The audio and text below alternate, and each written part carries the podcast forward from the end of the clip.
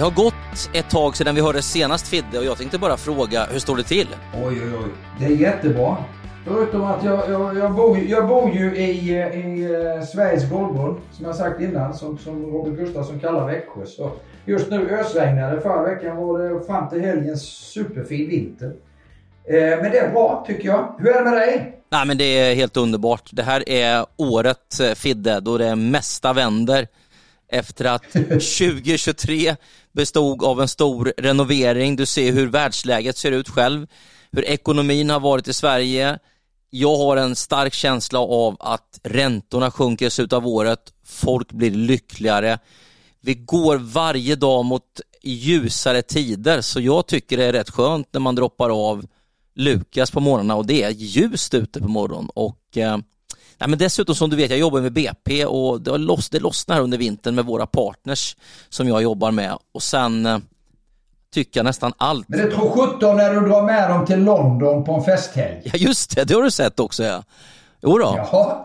Nej, men det ingår ju som partner eh, i BP eh, för en del lyckligt lottade att man får åka och titta på Chelsea, Wolverhampton och förra hösten var det ju Tottenham, Liverpool i London. Så det, det händer ju en del kul mellan varven också.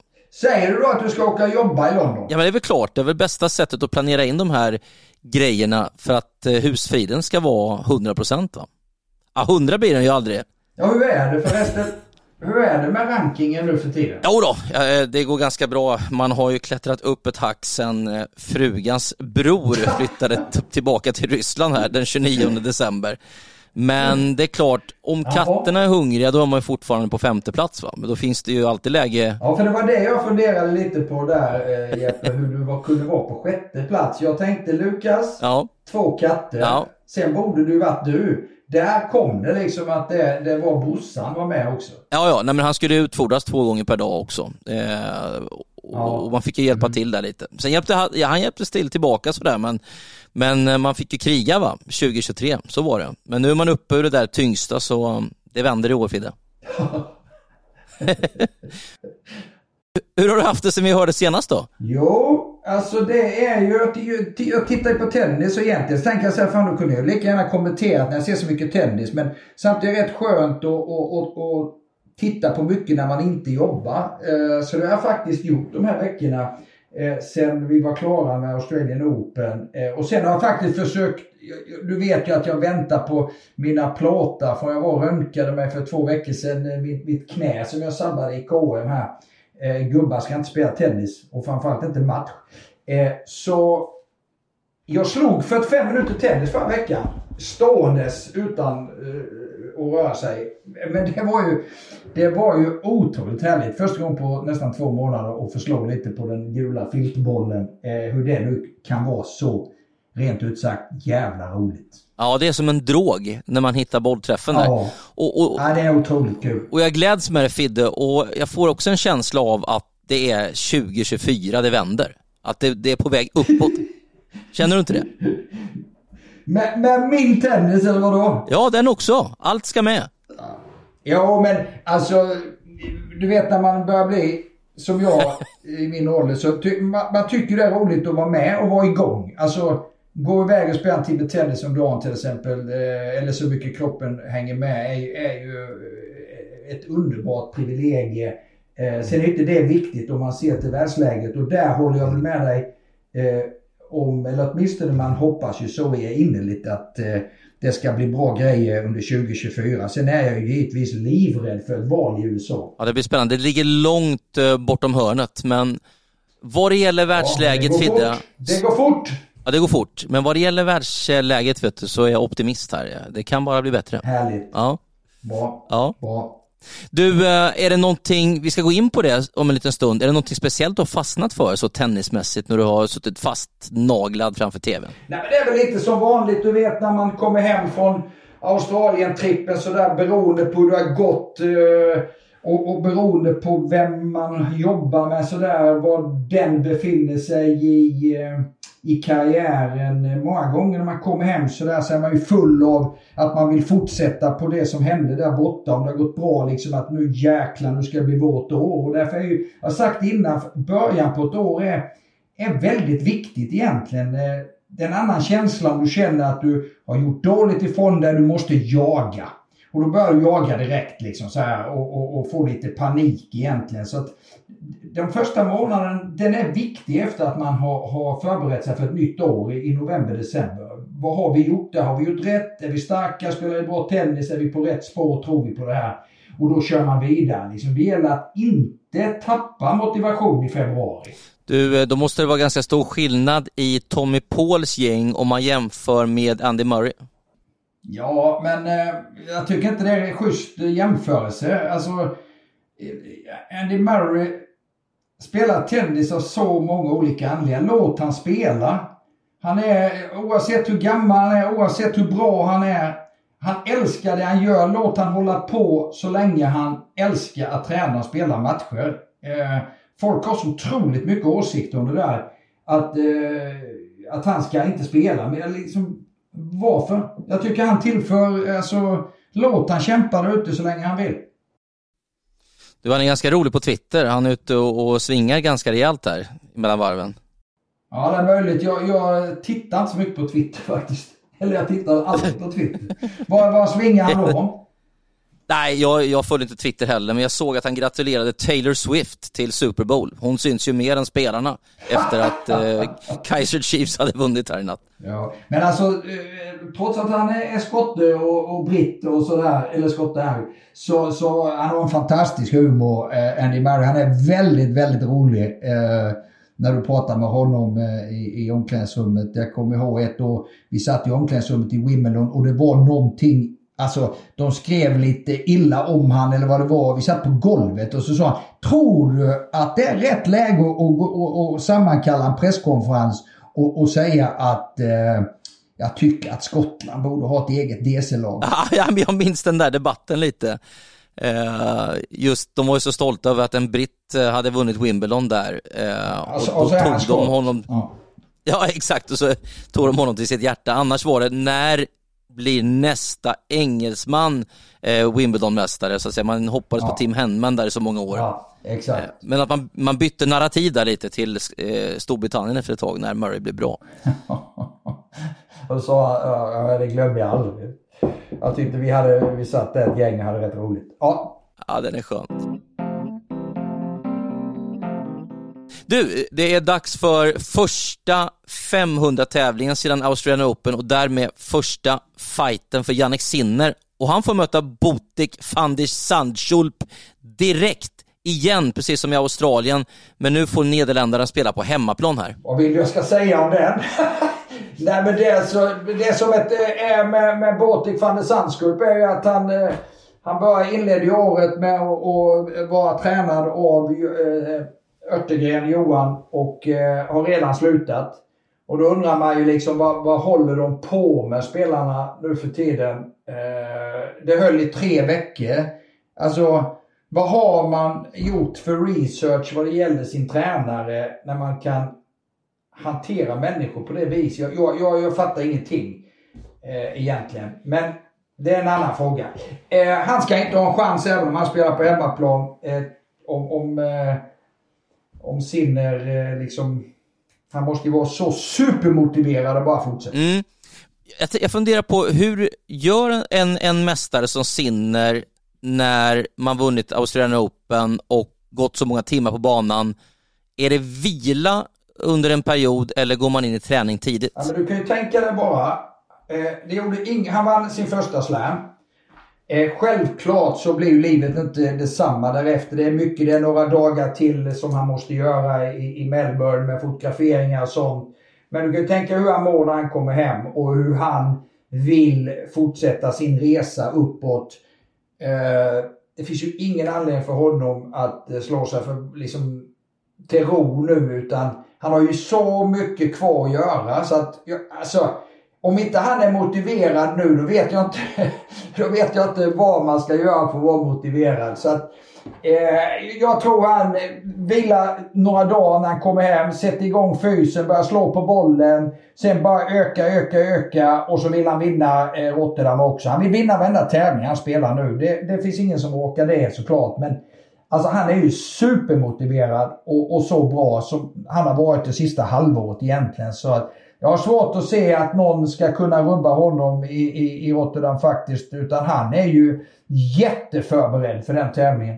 Och samtidigt ska man komma ihåg, precis som du är inne på, att varenda journalist där nere i Italien rycker i honom just nu och allt fler sponsorer svärmar runt Jannik Sinner och det där lär ju också påverka honom en del och det är någonting han måste hantera. Ja, men det beror på vem du är som människa. Jag, jag tror att han är helt rätt människa för att vara en toppspelare Eh, där uppe. Han har bra folk runt omkring sig som gör, de får ta hand om det. Jag tror inte han bryr sig så mycket om pengar och grejer utan han vill vinna titlar och han vill eh, komma upp på ranken. Han vill nog någon gång bli etta i världen vilket han kanske har svårt att undvika eh, om han fortsätter så här. Det finns alltid spelare som slår sig på bröstet och blir fat cats efter de har vunnit någonting. Men jag tror inte att Sinne, han, han är av annat virke. Så jag skulle bli väldigt förvånad om han kommer till Rotterdam eh, och inte gör bra ifrån sig. Sen samtidigt så har du ju rätt i, i, i, vissa grejer. Alltså det är en annan press, ännu mer press på honom nu givetvis. Men han verkar så otroligt förberedd på detta mentalt. Eftersom han själv aldrig har stressat på det att han måste vinna en Grand Slam i år eller han måste vara världsetta i år. Utan han jobbar på hela tiden med ett långsiktigt eh, eh, tänk och eh, som sagt, han kommer bli jättesvår att ta. Det där eh, Fidde gäller ju rätt specifikt för Jannik Sinner då, som har spelat en lång tävling i Australien och vunnit. Hur, hur är det för de andra spelarna så här tidigt på året? Ja, men det beror lite på hur både hur förberedelserna varit och som jag sa hur starten har varit på deras första tävlande där. Eh, de 2.50 innan eh, Melbourne och sen då hur första, när de kommer hem. Det beror alldeles på eh, hur gamla de är, var de ligger på rankingen, hur de känner de är formmässigt. Eh, men Alltså jag kan bara jämföra. Man, man kör på, man försöker hålla motivationen uppe och se sin chans de här veckorna fram till kanske Dubai, Indian Wells eh, eh, och Miami att här finns ju läge med lite 250 tävlingar om du vill göra bra ifrån dig att både komma i form i så fall, kanske vinna en titel om du är en spelare som ligger eh, topp 20. Så det är klart att då ser du ju jättemöjligheten i att ta en eh, Montpellier, en Marseille, en eh, Dallas eller en sån här tävling 250 som går nu de här veckorna emellan. Om vi summerar de två senaste veckorna då. Jo, Alexander Bublik har faktiskt skrivit historia som den första spelare att vinna en tävling på ATP efter att ha förlorat första set i varje runda. Och man kan ju tänka sig en del spelare på touren som skulle orka med det mentalt, men Bublik var väl en av de sista man tänkte på. Han vände även i finalen mot Borna Coric. Och då tänkte jag bara kolla med dig, Fidde. På 27 matcher förra året då han förlorade första set, hur många vann han? Det kan inte ha varit många, men jag, jag bara chansar för jag har inte kollat. Jag förstår ju att du har tittat eftersom han, han slog det här rekordet nu då. Nej, men alltså det är säkert inte många. Ja. Ja. Han vann två. Ja. Nej, det, det, är helt grymt. Och nu vann han fyra i rad. Alltså, vi slänger ju all skit på Bublik va. Jag är ju en av dem liksom som, som tycker att eh, han har inte fysiken, han har inte viljan, han har inte fokuset, han är inte mogen nog. Eh, och han gör precis allt tvärt emot det. Så man kanske måste sluta prata om att han inte orkar, ja. att han är en barnrumpa där ute och sådär. För här visar han ju faktiskt i match efter match efter match vad han verkligen vill. Och eh, att han kan spela tennis det har vi ju aldrig tvivlat på. Liksom hans, hans högsta nivå och hans underhållningsvärde där ute är ju enormt. Men det har ju liksom varit de här ingredienserna som är emot honom så många gånger. Eh, och därför är detta, alltså han, det är en riktig käftsmäll på oss som klagar på Bublik. Så fantastiskt roligt. Fantastiskt roligt. Är det inte så att folk stör sig lite på hur han är som karaktär? Det kan ju flisas ett racket här och där, men också att han kanske i vissa matcher kastar bort sin stora begåvning. Jo, men han är ju helt respektlös genom sitt, sitt sätt att och, eh, uh, spela där ute. Alltså det, det clowneriet, de konsterna han gör eh, är ju egentligen ett hån många gånger mot, mot en motståndare som kämpar häcken av sig. Och sen ligger han under 0,40 och så gör han fem eh, pajaspoäng i rad. Oftast går de ju hem. Publiken älskar det, motståndaren hatar det. Eh, och sen är, för mig är det ju en spelare som, du vet den där man, när man har sån extrem talang, begåvning ska jag säga, för talang är så mycket olika saker. Men enorm begåvning. Varför vill man inte se hur bra man kan bli? Och för jag har ju alltid sagt det att Bubbly han, han kastar bort sin, sin, eh, sin begåvning fullständigt. Men jag får väl ta tillbaka lite det efter, efter veckan i Montpellier för där, där bevisar han ju faktiskt motsatsen. Mm, får se om det är den nya Bublik vi får se här eh, 2024. Eh, och en annan spelare mm. som vi pratat mycket om så här långt, Holger Rune då, eh, som plockade in Boris Becker eh, förra året. Han tvingades ge upp i sin match i semin mot just Borna Coric. Och nu har dansken brutit med sina tränare igen och även sin mamma. Ja, alltså. Jag vet inte, han är ju så ung. Han, skulle behöva den där trygga famnen på något sätt som, som eh, många av de här spelarna har och haft eh, hela sin resa. Eh, jag tycker att Alltså egentligen förstår man ingenting. För jag var ju så positiv till att han tog in Becker. För det första, för han kunde lära honom en del. Becker själv säger att han hade en uppgift. Det var att ta eh, Holger Runa, vända den dåliga trenden där i höstas och ta honom till slutspel. Vilket de gjorde. Eh, och, och i och med det var mission eh, klar liksom ungefär. Eh, så fattade inte jag det alls när han blev anställd. Jag trodde att han skulle köra på. Sen har det ju varit strul med vart Becker får resa och så vidare. Ja, han borta. Eh, Kenneth Carlsen som vi var inne på innan var ju med innan Melbourne. Fick åka hem för då kommer Severin Lutti som har varit med hela Federers karriär. Och sen när det kanske inte gick som, som Rune hade hoppats på i Australian Open, då är, då är Severin Lutti helt plötsligt borta också. Alltså då är man ju någonstans i det blå bara och, och letar fel Eh, på de man anställer. Och det är den känslan man får ibland. Ju fler du, du anställer desto fler kan du skylla på att det går dåligt. Eh, de här som håller sig till en tränare eh, som är med i både med och motgång och liksom där du har en trygghet som spelare. Jag, jag tror det, det, han måste hitta dit. Eh, hade jag varit han nu så, så hade jag tagit Kenneth Carlsen som jag tror bryr sig extremt mycket om eh, Holger Rune. Fått lugn och ro, pratat igenom vad vill du och så jobbat hårt och försöka komma på rätt spår. Känns som han är ute fullständigt och, och, och letar bara. Jag vet inte. Det här med mamman har jag... Mm. Eh, har jag heller, alltså, det är ju ofta så med de här som har sina föräldrar som tränas. Kommer de till en punkt och så ska de ha in någon annan och mamma ska vara hemma eller pappa ska vara hemma. Och sen landar det ändå i det till slut igen sen. Så att, nej, eh, Holger Rune har mycket att tänka på nu och då är det svårt att spela bra tennis. Jag tror för vem som helst som går i terapi eh, så känner man igen det där mönstret med att om någonting går åt fanders då finns det så mycket att peka på. Men den sista du pekar på innan du går in i terapi, det är dig själv.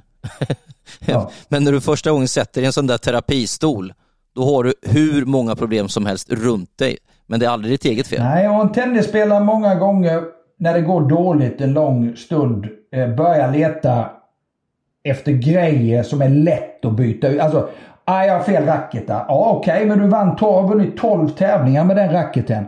Och helt plötsligt så passar inte den racket, jag måste byta racket. Där har du såna här klassiska grejer istället för att titta sig i spegeln.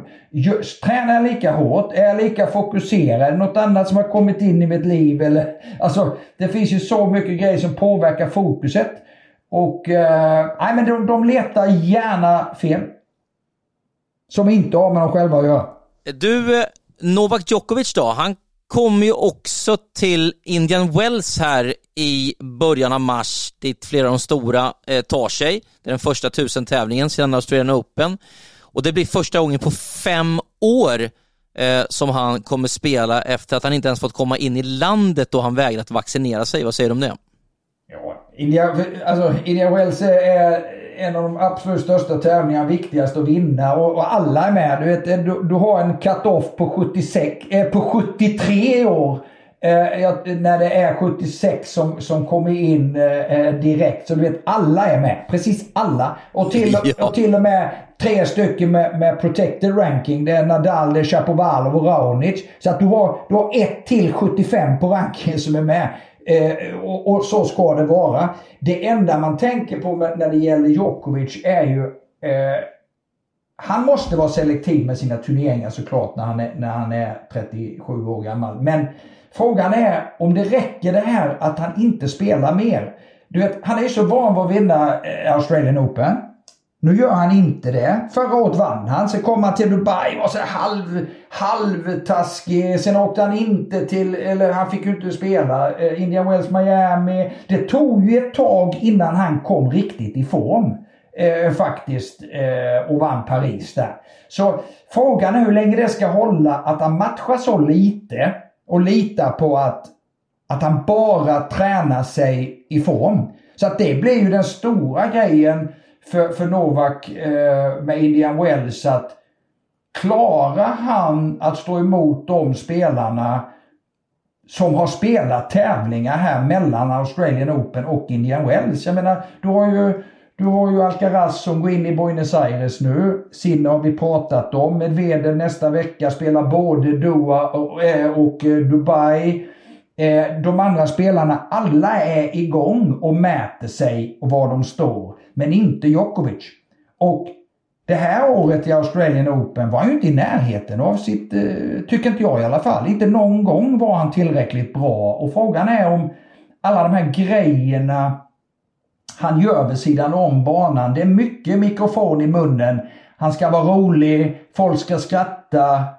Jag vet inte om det är rätt grej att gå redan. Eh, och han fortfarande kan vinna de stora tävlingarna. Eh, vi ska ju inte döma bort honom såklart. Men det är en stor fråga därför att du måste spela matcher också på något sätt. Du måste det. Där har ju Carlos Alcaraz en del poäng att försvara. Jag tänker lite så här att Alcaraz var ju den stora utmanaren till Nåle förra året, men de är fler där nu. Eh, han slog ju Sinner i semi och Medvedev i final förra året, men nu är de ju fyra där uppe och eh, några där bakom som ser rätt bra ut också. Hur tror du han upplever det, den unge spanjoren? Ja, alltså eh, försvara en titel är ju, är ju alltid tufft och, och, eh, han har väl Norri där som, som eh, det tuffaste skulle jag tänka mig. Men han gör ju ingenting åt rankingen. Liksom det är en 250 tävling, han har 250 poäng att försvara. Så även om han vinner så står han kvar på samma. Men jag tror inte, det är inte det som är grejen här utan nu måste han börja vinna tävlingar igen. Han har inte vunnit sen Wimbledon och framförallt det här confidence för det är ju, det är just Sinner, Djokovic, Zverev, det är ju de killarna han vill slå i, i de största turneringarna. Så det är ju också något som vi ser fram emot enormt de här veckorna nu. Liksom. Var, var är Alcaraz? Var, han var kanske inte riktigt sig själv i, i, i Melbourne när, när Ferrero var borta och nu har de tränat på gruset och, och Alltså, det tror sjutton att han är jättefavorit eh, i Buenos Aires. Sen kan jag tycka kanske att det är lite lustigt att han, att han väljer den tävlingen, men ja, de har väl en plan såklart. Ja, för att komma preppade, ja. Kan jag hålla med om. Nej men liksom varför spela, varför spela en grus? Ja precis. Sen möjligt att han spelar Rio också. Men du ska ju ändå på hardcourten sen. Det hade kanske varit mer rimligt att spela Acapulco. Eh, och sen spela till Indian Wells Miami då. Vill han så tidigt som möjligt igång med grussäsongen för att Paris är nästa stora mål? Kan det vara så? Nej. Nej. Nej. Han ska ju spela hardcourt ju. Mm. Såklart. så absolut, liksom nej. Utan det, det, är väl, jag vet inte. Det, det är om det är pengar det handlar om eller vad tanken är egentligen. Du, jag måste fråga dig förresten. Jag, jag spelar ju själv tennis 91-92 i Kalifornien, Helix High School, första spelare. Eh, vi var väl lägst eller näst lägst rankade i divisionen, så det säger inte så mycket. Nästan ingenting faktiskt. Eh, men det var jävligt kul att få spela ett år där borta. Eh, men jag, jag, jag, kom aldrig till Indian Wells som ligger nära Palm Springs i Kalifornien. Har du varit där och vad har du för erfarenheter av Indian Wells? Om jag varit där? Berätta. Jag har nog varit där 20 gånger, höll jag på att säga. Exakt, men, jo men jag tänkte väl det. Ja, alltså nej men det är ju, det är ju ett ställe som är, ja, det är ju karton, det är tecknat, man, man tror inte det är sant eh, där ute. Eh, öken från början som har byggts upp liksom, bara allt är konstgjort. Golfbanor, eh, gräs, hotell. Det, alltså, det är så häftigt när du vaknar upp och ser den här kulissen med berg och så blå himmel varje dag. Det är som om, om någon har liksom ritat det. det, det ja. Eh, för mig är det ett helt sjukt ställe. För mig är det favorit. Den har, den har allt. Alltså Indian Wells har allt utom havet. Eh, vatten. Så. Eh, älskar havet. Men Alltså vilken tävling. Jag, jag trodde inte det var sant första gången jag skulle få åka dit. Sen har man haft mycket, mycket både roligt och upplevt mycket runt tennisen där och den gamla arenan som låg nere vid Hayat. Eh, ena hotellet, spelarhotellet eh, som Eh, liksom bara jämnades med marken, byggdes eh, parkeringsplats och sen då den här enorma arenan som har byggt upp och, och blir bara bättre och bättre. Nej, det är en, det är en tävling du längtar. Alltså du, du är i Australien fyra, fyra, fem veckor, kommer hem till lite regn, blåst och snö och inomhustävlingar och sen, sen ger du dig av till fyra veckor i USA. Uh, uh, Miami, Indian Wells. Så det, det, det, är ju en enorm tripp. Uh, även om du inte funderar så mycket på vad du är, utan det sportsliga är ju alltid nummer ett såklart. Men där har du alla förutsättningar och träna bra och, och, och samtidigt njuta av livet. Eh, du, med andra ord kan du förstå de pensionärer som väljer att bosätta sig runt Palm Springs och i det området på äldre dagar. Ja, verkligen. Och klimatet, du vet om du jämför. Det är faktiskt lite häftigt där eftersom du har två så skilda tävlingar. Det, det, det är som eh, Kalifornien med den torra hettan. Och sen kommer man då till Miami med den fuktiga hettan. Så det, det är två helt olika eh, förhållanden att spela i. Och vissa, eh, jag menar, älskar alltid, alla, jag tror alla älskar Indian Wells. Sen finns det en hatkärlek till Miami för det, det är blåst och, och, och sådär. Det var ju värre förr när det låg ute på, på Key Biscayne. Eh, men som sagt var eh, underbara tävlingar. Kan vara otroligt tufft om du spelar dåligt i Indian Wells. För då är det, du vet, det är 12 dagars tävlingar. Eh, åker du ut tidigt så kan det vara 14 dagar till du spelar nästa gång. Och, och, eh, det kan vara en grej du måste hantera. Mm. Du, eh, mars månad, det är ju en månad närmre våren. Det måste vara en underbar månad för en TV4-kommentator med, med nästa, nästa tusen tävling från Miami.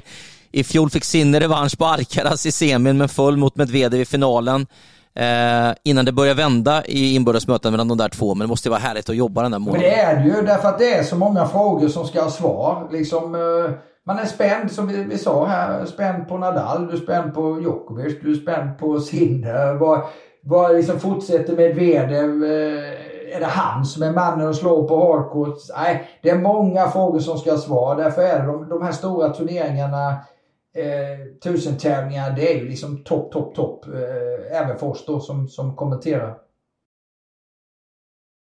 Då säger jag håll i hatten för nu kommer tio frågor till Fidde Rosengren. Och vi börjar med fråga nummer ett. Nick Kyrgios eller Tommy Robredo? Nick Kyrgios. Varför?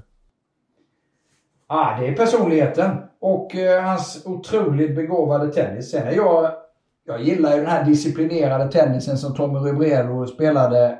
Just hans tennis men... Eh, eh, nej, man ska aldrig trycka på en, en människas personlighet egentligen. Det är rätt fult att göra det men Tommy var aldrig någon rolig människa. Nej, men han var välkammad och fin och elegant. Han bjöd inte på sig Han bjöd inte på något. Han bjöd inte Nej, på sig det gjorde han inte. Nej. Eh, Nej. Men och han var inte, eh, man kan säga det nu, alltså han var inte eh, populär bland sina spanska polare heller. Nej, men en slät figur Tommy och eh, en välkammad frisyr och framstod väl som elegant åtminstone. Nej, man, man, man ska självklart inte, inte döma människor så. En, en väldigt duktig tennisspelare. Men eh, må, frågan var ju Tommy eller, eller Nick. Det är Nick. Ja, vad glad jag blir. Nästa fråga. Fråga nummer två. Quesadillas eller oxfilé? Ja, quesadillas. Varför? Eh, oxfilé, smakar ju ingenting.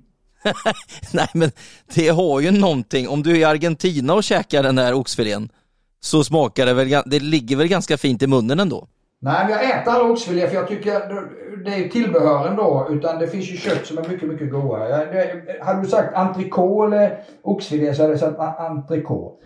Eh, jag gillar smakrik mat. Oxfilé är inte smakrikt. Jag älskar svaret. Fråga nummer tre. Pannband eller linne som matchoutfit? Pannband eller linne? Jajamän. Det är pannband. Ja, lätt, eller hur? Ja, det var lätt, lätt för mig. Sen linne, jag, jag har inga problem med linne heller, men pannband är, det är jättebra för att svetten inte ska rinna ner i ögonen. Ja, men tankarna går ju tillbaka till de här gamla legendarerna på 70-talet. Det var ju en och annan som spelade med pannband då. De älskar man ju. Absolut. Men det är väl folk som spelar med pannband nu med? Ja, jag kan ha jävligt svårt ibland för att spela tennis i linne på högsta nivå. Ja. Det ska vara elegant. Eh, den här sporten ska vara elegant. Den är elegant eh, från början. Det är någon typ av eh, hederskodex, en respekt tycker jag eh, på tennisbanan som jag gillar. Så du hade, du hade problem med Agassi? Jag kommer till Agassi ganska snart här. Du har, nu har du okay. kastat det för långt fram här i, i frågesporten. mm. Ja, ja. Fråga nummer fyra. En cykeltur eller ett gympass? Cykeltur. Gymmar du något? Jag kör lite för min, eh, min eh, undvikat enpack. Jag, jag gillar sixpack. Men gillar du att cykla? Men jag gymmar inte. Jag är ingen gymkille. Jag slår mycket hellre på en boll eller trä, gör någonting sånt. Ja. ja. Jag måste utmana, jag måste tävla. Ja. Däremot gillar jag att cykla, alltså, för du tar dig någonstans och upplevelsen blir, är fantastisk. Mm. Men du, du menar inte cykel, du menar inte motionscykel? Nej.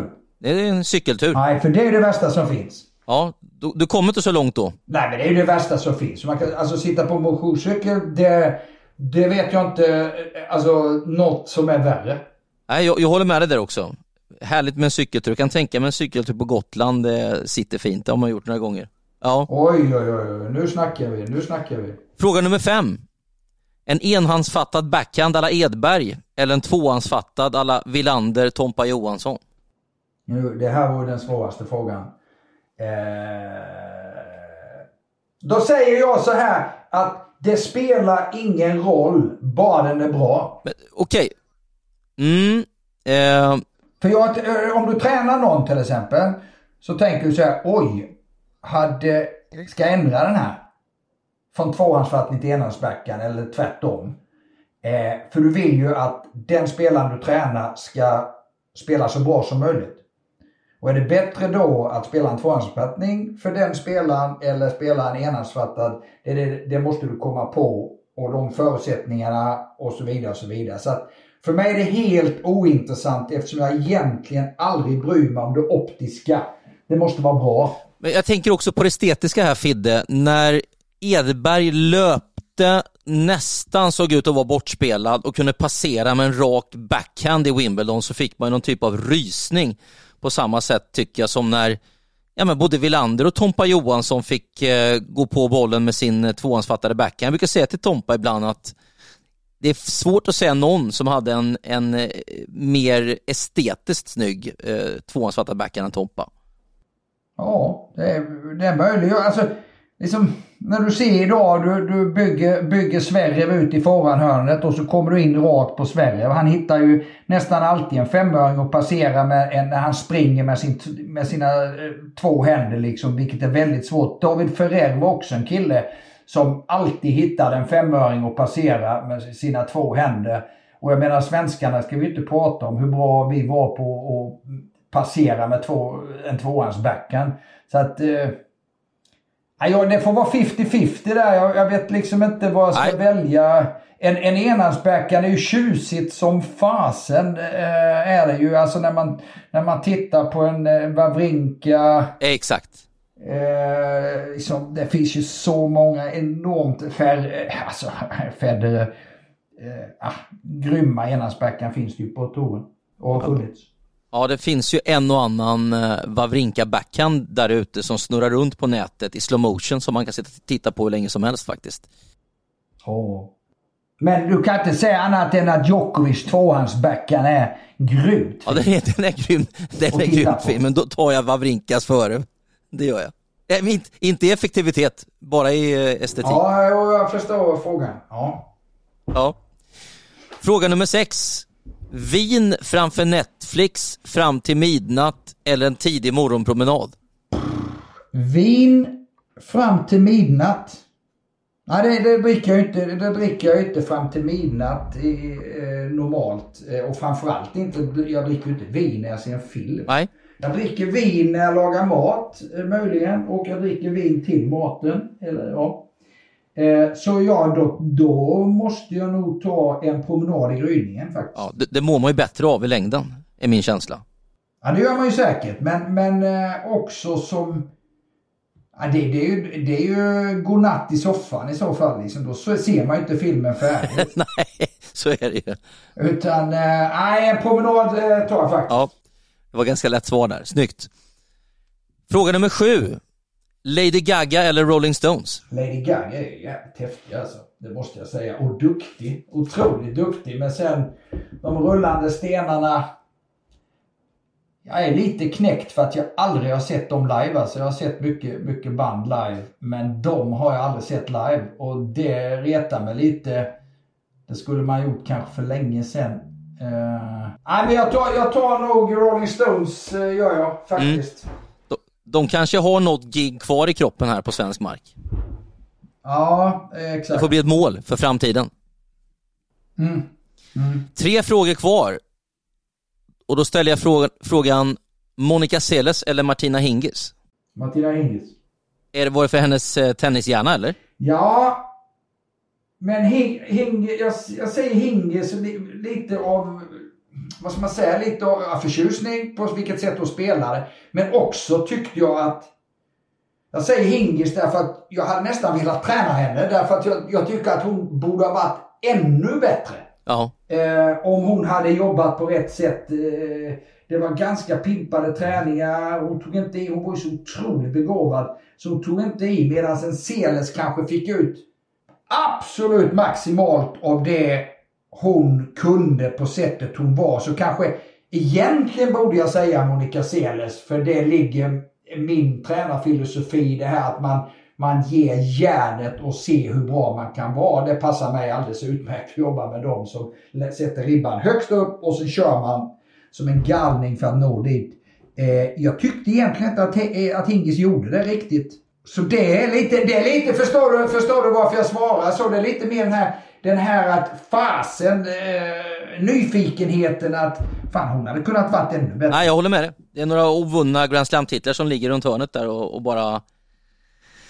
Som aldrig blev till helt enkelt. Jag vet till som tränades av sin mamma. Mm. Ja, men hon var häftig spelare. Som jag tror gjorde hur mycket som helst för att hon vann så mycket som hon gjorde. Men hade kanske mått bra om hon hade litat på någon annan än sin mamma. Också. Det är bara två frågor kvar. Och nästa fråga är Val d'Isère eller Torrevieja? Ja, jag har inte varit någonstans, jag vet inte. Vart vill du åka då? Jag har hört att Val d'Isère är helt grymt. Att Frankrike, de fina skidorterna i Frankrike är fantastiska. Så... Uh... Alpin skidåkning då eller spanska solkusten? Ja, det har jag allt sitt också. Men jag tar skidåkning, jag tar skidåkning alltså. Helt klart. Också för miljöerna. Ja. Alltså miljöerna uppe i, i bergen liksom. Jag har varit eh, på några ställen och åkt i, i Schweiz. Um, ja, Klosters och Zermatt och sådär. Alltså, eh, vad heter det? Jag har varit, i, ja, varit i Spanien och åkt också faktiskt. Men, men, eh, nej men det är miljöerna. Det är så jäkla vackert. Mm, underbart. Eh, är du beredd på sista frågan? Ja. Ja.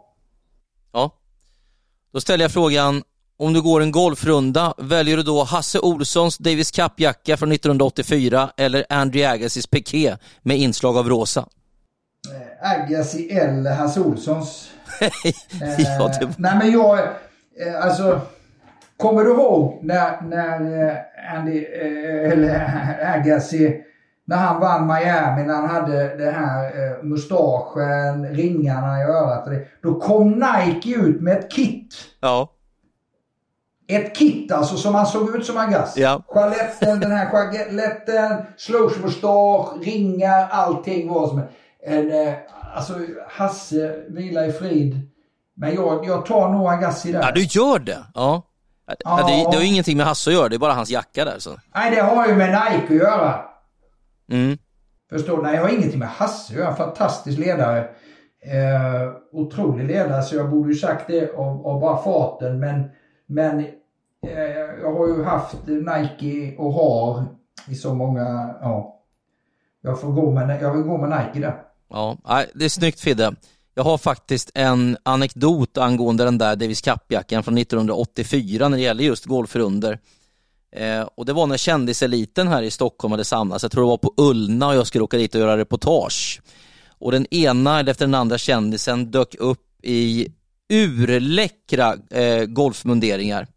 Sist kommer eh, Anders Palmström, Ankan och Arne Hägerfors. Och eh, Arne hade just den där eh, Davis Cup-jackan från 1984 som han gick runt 18 hål med. Oj. Och han hade bara eh, järnsjuan och en putter med sig. Är det inte en skön stil ändå? Arne Hägerfors. Ja. Ja. Det är nog bara han som kommer på den Det är idén. inte många, det är inte många kvar nu då. Nej, det är inte det. Nej, men jag tycker att den är så skön ändå. Oj. Nej, jag är glad. Jag, skulle, jag vålar upp bilder av dig Fidde när du går runt i eh, Agassis sköna piké där på, på golfbanan. Känns bra. Jag har många sköna piké från Nike. Som inte är Agassis, men som är, ja. Det finns många sköna funkar ju inte att visa upp i podd, annars hade det varit ett riktigt fint eh, programformat. Nej, det gör, det, gör ju, det gör ju inte det. Det gör ju inte det. Nej. Du, en fråga. Ja. De, de citaten som vi fick eh, lyssna på av alla de här gamla eh, enorma förebilderna som kommentatorer, eh, Hägerfors, Plex, Engstrand, allt vad de heter som han vuxit upp med. Eh, de citaten, Ja, hade vi kunnat använda oss utav dem idag? hur tänker du då? Jag tänker när du läser eh, liksom eh, de här klassiska ser mörkt ut på bänken och så eh, det här att bara en, eh, som Hägerfors sa om Krutov där, bara en mo kan älska ett sånt utseende. Nej, Och, om man hade sagt dem idag, vad tror du hade hänt? Nej det får du inte göra idag. Nej. Eh, och det har ju att göra med att eh, jag, jag ser ju ibland faktiskt en del eh, stram komik. Jag såg någonting nyligen på SVT där man får skoja om allt annat än att eh, ja, man får helt enkelt inte håna någon annan människa eh, eller, eller liksom Nej, så nej. komma nära och, och det kan bli jävligt förödande för, för komiker tror jag. Att det har blivit så stramt det här klimatet. Har det blivit tråkigt tycker du? Har det blivit tråkigt för ditt yrke att du måste tänka så mycket på vad du säger? Alltså för mig var det nog aldrig ett problem som kommentator i alla år så. Däremot tycker jag som kommentator eller om man var programledare eller offentlig person att de kunde ta saker ur sitt sammanhang och eh, göra stora rubriker så att under de här åren som jag jobbade, jag var 28 år, då jobbade jag i, i de stora medierna eller i de stora mediehusen var jag i över två decennier och ju mer, eh, ju längre tid jag jobbade i branschen, ju stramare blev klimatet och ju närmre eh, den där gränsdragningen kom man där man kunde kliva över någon gång. Och det kunde vara i ett offentligt sammanhang, det kunde vara i sociala medier, det kunde vara under en sändning. Så att det som var den stora glädjen att få uttrycka sig eh, när jag var yngre, den var inte på samma sätt li lika entusiasmerande tyckte jag sista åren för att man var lite orolig över att eh, en tidning eller en reporter då skulle försöka ge sig på en. Känner du igen det där? Nej, jag har ju inte jobbat som du har gjort. Det, det är mer när man sitter där du vet och, och, och ibland eh, kommenterar. Kom, jag, jag fick faktiskt frågan igår, vad är det värsta du har sagt sådär och, och liksom... Jag kommer ihåg en match jag gjorde och jag säger att den returen suger. Ja, Och jag fattar inte själv var den kom ifrån därför att jag använder aldrig det uttrycket i någonting, att någonting suger. Säger, jag säger aldrig det. Så jag, jag, jag förstod, jag blev helt chockad över vad jag själv sa och tänkte, vad fan säger jag? Hände ingenting efter det. Men jag var inte nöjd med mig själv att jag använde den typen av eh, ord när jag skulle liksom kommentera en dålig retur. nej, Det blev, det blev dåligt. Alltså jag, jag, jag, jag tyckte det var kass. Det jag sa. Men det fanns ju en genialitet hos de här äldre som Arne Hägerfors hade. Och jag minns under VM 2010 där jag var på plats i Sydafrika och kommenterade som en av kommentatorerna där. Eh, Lasse Granqvist var en annan som i en kvartsfinal skrek allt skiter sig för Ghana. Eh, som kan vara briljant eh, på, på något sätt för att det var ju vad alla kände och tyckte och tänkte där och just då. Men å andra sidan är det liksom för lätt för en kommentator att uttrycka just någonting sånt, att allting skiter sig, att man, att man kanske ska vara mer briljant i ett sånt ögonblick. Så att det är ju en gränsdragning och eh, det är ju svårt att veta hur mottagaren upplever det man just har sagt. Ja, exakt. Mm. Är det briljant eller är det bara platt? Mm. Uh, och det där tror jag liksom du måste skapa ett utrymme för Fidde. Och det vet vi att det är en smaksak, eller hur? Också. Ja, men du måste, du måste skapa ett utrymme för det. Alltså har du suttit i TV ja. i 10, 20 eller 30 år och gjort ett namn, då kan du säga det. Men om du är ny kommentator, det är första gången på ett mästerskap och du är okänd. Eh, säg att det skulle vara jag på mitt första stora mästerskap och jag skulle skrika så i en kvartsfinal. Då hade jag nog blivit sågad. Mm. ligger mycket i det, tror jag. Mm. Ja, det är en fin gränsdragning. Ja, men jag kommer bara ihåg, jag mådde dåligt när jag skrev. Vad, vad menar jag med den returen cykel? Liksom, det var inte ens roligt. det var, det var, nej, det var, nej, nej, nej, nej, nej, får inte hända. Får inte hända. Du, Saudiarabien har lockat till sig de stora spelarna för en ny uppvisningsturnering, Six Kings Slam. Och där kommer Djokovic, Nadal, Medvedev, Alcaraz, Sinner och av alla Holger Rune att ställa upp som ännu inte vunnit någon slam. Hur mycket kittlar den här tävlingen som ska spelas i höst i Saudiarabien, Fidde? Är det, fråga, det är en fråga till mig eller allmän, Alltså till mig så kittlar den ju noll. Ja. Därför att jag är alldeles för konservativ. Jag, jag, jag förstår att tennisen, att de säljer sig, att eh, liksom folk tycker det är roligt att titta. Men för mig som, som vill utveckla en spelare, eller, eller ville i alla fall, så, så är uppvisningstävlingar, jag ser ingen vinning i det. Mer än att, deras, att grabbarnas bankkonto fylls på ännu mer. Spela riktig tennis, tävla i tennis istället. Eh, vinn tävlingar, eh, eh riktiga tävlingar som vi har. Eh, för många av de här killarna också, de, de gnäller eh, många gånger om att eh, eh, året är för långt och det är för mycket och det är för hårt och så vidare. Eh, sen ska de tränga in en, en sån tävling. Jag kan tänka mig att en sån som Djokovic inte spelar Asien, eh, Masters 1000 i Shanghai och då kanske väljer att spela den här tävlingen. För den måste ju ligga andra veckan i oktober. Va? För den måste ligga den där 250-tävlingen. För annars får ju inte de här spelarna spela. Du får inte spela en tävling samtidigt som det går en 500, en 1000 eller en Grand Slam. Där, har ju de, där, där committar de ju som spelar till ATP-touren. Men du kan spela uppvisning när det är 250. Eh, och, och jag, alltså för mig är det obegripligt att de här spelar. Lika obegripligt som att man spelar den här eh, UTS eh, i, i Oslo, eh, eller vad de går, de här show cirkusturneringarna. Eh, som säkert vissa tycker är jättekul att titta på, eh, showen. Men jag är för konservativ för, för att tycka det. Jag vill att min, min spelare ska vilja eh, utvecklas i tennis, utveckla sig på rankingen, vinna tävlingar.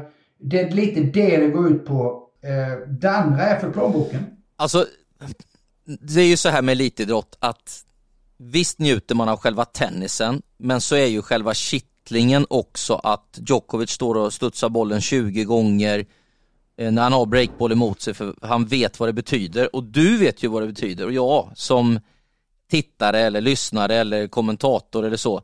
Och det gör ju liksom att man följer de här stora matcherna med sånt intresse. Eh, Saudi är ju även ute efter att få arrangera VTA-slutspelet och det kan väl inte bli sämre än senast, å, å ena sidan.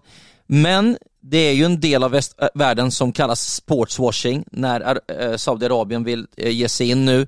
För dem är det ju fickpengar att dela ut de här Eh, pengarna som eh, Nadal då har tagit del av exempelvis nu som ambassadör för Saudiarabien men också att arrangera en sån här turnering. Och då har du ju, tänker jag så här, i ena vågskålen så har du pengarna för spelarna, i den andra vågskålen så har du ditt legacy. Alltså vad lämnar du efter dig när du lägger racket på hyllan? Och där kan jag tänka mig att eh, vi förväntar oss mer av toppspelarna. Att man kanske tänker så här, vad gör du nu som föredöme för sporten? Ja, eh, kanske. Jag har inga problem egentligen eh, med, för jag tycker det är två helt skilda saker, att damerna har ett slutspel där. Jag menar att det är en dålig regim, eh, att det är värdelöst för de mänskliga rättigheterna. Då hoppas man ju i så fall att, att tennisen kan göra någonting så det blir bättre. Men att det är en riktig tävling, det är något annat. Det här är ju bara för att det finns mycket pengar. Det här har ju ingenting med normal tävling att göra. Om slutspelet för herrar hade gått där också eller funnits en Masters 1000. För det är ju, vi vill ju se de bästa mötas. Vi vill ju se de här sex mötas. Men vi vill ju se dem mötas. De ska ju mötas i, i Turin i slutspelet sen. De ska ju mötas i Paris indoor. De ska mötas i Shanghai. De ska mötas i riktiga tävlingar de här sex. Vad är det för meningar med att samla ihop de sex Eh, om det är i Saudiarabien eller vad det är och spela en uppvisningstävling som inte betyder någonting. Som är noll. Eh, Eh, alltså jag kan inte se hur jag skulle kunna eh, hetsa upp mig överhuvudtaget av att titta på en sån tävling. Nej. Så eh, för mig fullständigt ointressant som tävlingsform. Men att Saudiarabien, alltså all idrott, nu senast var det ju så igår på sporten, eh, hästtävling, liksom all idrott kommer dit. Pengar styr vår idrott. Vi har, vi kan inte värja oss mot det, men förhoppningsvis så kan vi ställa krav. Att det kan bli bättre i dessa länder för vissa folkgrupper. Det, alltså, mänskliga rättigheter, det, det är ju värdelöst i så många länder där, där tennisen redan finns också. Men vi får ju aldrig sluta kämpa för det. Uh, en, en sån tävling för mig oavsett. Jag hade, jag hade varit emot den tävlingen om den hade varit i Indian Wells. Så är det. Som tävlingsform. För, eh, jag tror jag har uttryckt mig uh, som jag tycker och tänker. Mm. Ja, det är bra. Vi har tryckt på den knappen och eh, ja, det var väldigt tydligt. Jag håller med dig också. Eh, du Fidde, vi är ju uppväxta i, i en generation kan man säga, Vi har fått njuta av många stora tennisframgångar. Vi har haft eh, spelare på löpande band kan man säga, som på ett pärlband sedan Björn Borg slog igenom på 70-talet. Eh, och eh, jag har själv fått njuta av Davis Cup. Eh, du har varit förbundskapten såklart, men jag har rest och sett matcher. Framförallt när jag har varit på svensk mark, då, om det var Himmelstalundshallen som låg nära mig i Norrköping eller Malmö eller Göteborg och sådär. Så har jag varit åkt runt och kikat och det, man gjorde det på, på, på den tiden, för det var så stort med Davis Cup när de svenska spelarna spelade. Det är inte riktigt på samma sätt idag medialt och det kanske man får förstå för numera har vi ju inte en spelare i topp 100. Eh, hur ser du på det här mötet som Sverige just har haft mot Brasilien? Ja, men först och främst, oavsett idrott så är det ju landskamp. Och landskamp är ju alltid häftigt. Eh, representera sitt land. Eh, jag var nere i fredags och, och, och tittade på singlarna i Helsingborg och, och när det när det är inmarsch där och nationalsången spelas och, och, och, då spelar nivå ingen roll. Utan då är det en match som ska vinnas, eh, ja försöka vinna. Alltså det är en landskamp. Det är Sverige mot, mot, eh, mot Brasilien liksom. Det, jag menar, snart ska Sverige spela fotboll i, i Nations League. Alltså, det är en, en landskamp och då ställer svenska folket sig bakom det på något sätt. Så där har du ju tjusningen med landskamp oavsett vilken nivå det är givetvis tycker jag. Eh, sen måste vi ju fatta idag var vi är någonstans eh, tennismässigt. Det är som det är liksom. Vi är, vi är inte bättre än så. Eh, vi har några spelare som, som spelar på eh, future-nivå, kanske eh, challenge-nivå, inte mer än det. Vi är väldigt beroende av att våra motståndare kanske inte kommer med bästa laget för att vi ska ha chans idag att vinna den där landskampen. Eh, du kan inte klandra, man kan inte klandra killarna för de, de gör sitt bästa, kämpar utav helsike och, och, och, det blir nerv i matcherna ändå. så eh, alltså jag, det är så många som snackar. Vad som är bra med, med det, det, det är att det kom upp på ytan lite, eh, kanske. Det blev väldigt aktuellt var vi står i svensk tennis i samband med Davis Cup-matcherna. Så att det blev lite medialt och kanske att, att folk eh, som, som har med det att göra funderar igen då. Vad fasen måste vi göra för att bli bättre i tennis? Så eh, Nej men det var spännande. Jag tyckte det var, var spännande matcher. Ungefär precis som förväntat. Brasilien hade ju inte med sig sin bästa spelare, Seiboch Wild. Eh, där, men, och vi var nära men ändå inte. Liksom. Så att vi är där vi är. Nu ska vi möta Indien då för att vara kvar i den här gruppen. Eh, det beror ju också på hur, om de kommer med, med Samit, eh, Somit eh, Nagal som, som gick andra i Australian Open och så vann en, future, eller vann en, en Challenger precis. Så att, vi är beroende av vilka som kommer och det är väl det då Jeppe som du var inne på vad det gäller Davis Cup att du ser ju det i hela världen idag. Formatet har ändrats, inte lika roligt för min smak. Men i vil, oavsett vilket land, det är inte samma grej att ta på sig landslagströjan. Representera sitt land. Det är inte det. Eh, de, den yngre generationen känner inte likadant. Men var det inte så också så Fidde tidigare, eller var det att vi var så stora att Davis Cup som tävling och tävlingsformat var mycket större för 30 år sedan? Ja, men du får inte glömma bort att det är, det är världens största tävling årligt återkommande för nationer i all idrott. Jag tror det är 159 eller 100, ja någonting sånt, länder som spelar Davis Cup varje år i olika divisioner. Så det är en otroligt stor tävling. Är det faktiskt. Så att, däremot jag gillar inte formatet. Nej. Även om man såg den ene brassen där nu, han var helt slut efter två set. Och då tänkte jag, satt jag på läktaren så tänkte jag oj, oj, oj, tänk om han hade spelat riktig Davis Cup när det var fem set. Och så kanske du ska spela både singel, dubbel, singel. Va? Så uh, nej, de är sämre tränade. När man har sett Elias Ymer i några av de här Davis Cup-matcherna så har man ju liksom efter de här helgerna tänkt lite för sig själv. Tänk om Elias kunde spela så här bra ute på touren oftare. Ja, jag, tycker, jag tycker ungefär han spelar spelar så bra som han är. Varken eh, mer eller mindre. Sen är det ju det där du får lite hjälp på, på bänken kanske. Som du kan behöva, det stödet. Du har, eh, oftast har du ju en väldigt bra träningsvecka i ryggen. Du samlas kanske på till och med fredagen Eh, en hel vecka innan och, och, och, kör någonstans och sen åker man till anläggningen på, på söndagskvällen och så från måndagen så, så tränar man i arenan och på, sen på fredag är det dags för match. Så att du har ju oftast en, en väldigt bra träningsvecka bakom dig. Så, så eh, du toppar på något sätt eh, eh, fram till fredagen där. Och sen, sen har ju Elias så mycket rutin nu i Davis Cup. Han har ju spelat så länge. Eh, jag hade ju med honom 2013 liksom. Eh, då vann han avgörande match mot Danmark där. Det var också i Helsingborg förresten. Eh, så att han har ju rutin för han vet hur, hur man gör det där och hur man laddar och, och, och så. Så jag tror att hans anspänning är eh, precis så den ska ligga ungefär. Så det är tuffare då för Kalle Friberg som går in och spelar sin första match och gör det helt okej. Okay. Och så var Leo Borg i laget också. Det är liksom... Det går inte att trolla. Tyvärr. Vi har pratat mycket om cirkus men det går inte att trolla. Precis så är det. Du Fidde, Tror du att några lyssnare är kvar? Men vi ska väl klippa lite i det här programmet. Vi har pratat länge då. Uh, ja. har vi gjort. Ja, det är ingen som kommer märka de där klippen ändå Fidde, men jag tycker det har gått bra. Ja, och hoppat har vi gjort. Men det gör inget. Det var, var, var ett bra samtal. Ja. Jag skulle vilja höra mer om Londonresan, men det är ju en annan sak. Det, det kan vi ta off the record. Mycket kul att berätta det. Du, härligt Fidde att ha dig med och eh, jag hoppas vi hörs snart igen. Ja, det hoppas jag verkligen. Nu, det kommer ju, eh, som sagt var, Rotterdam, sen kommer ju Acapulco, Rio 500. De bästa spelarna börjar ju spela nu, igen. Eh, och då ser man vad de har gjort sen Australian Open, hur laddade de är. Vi ser framåt, så hörs vi. Gott. Ta hand om dig. Hej på det. Hej på det.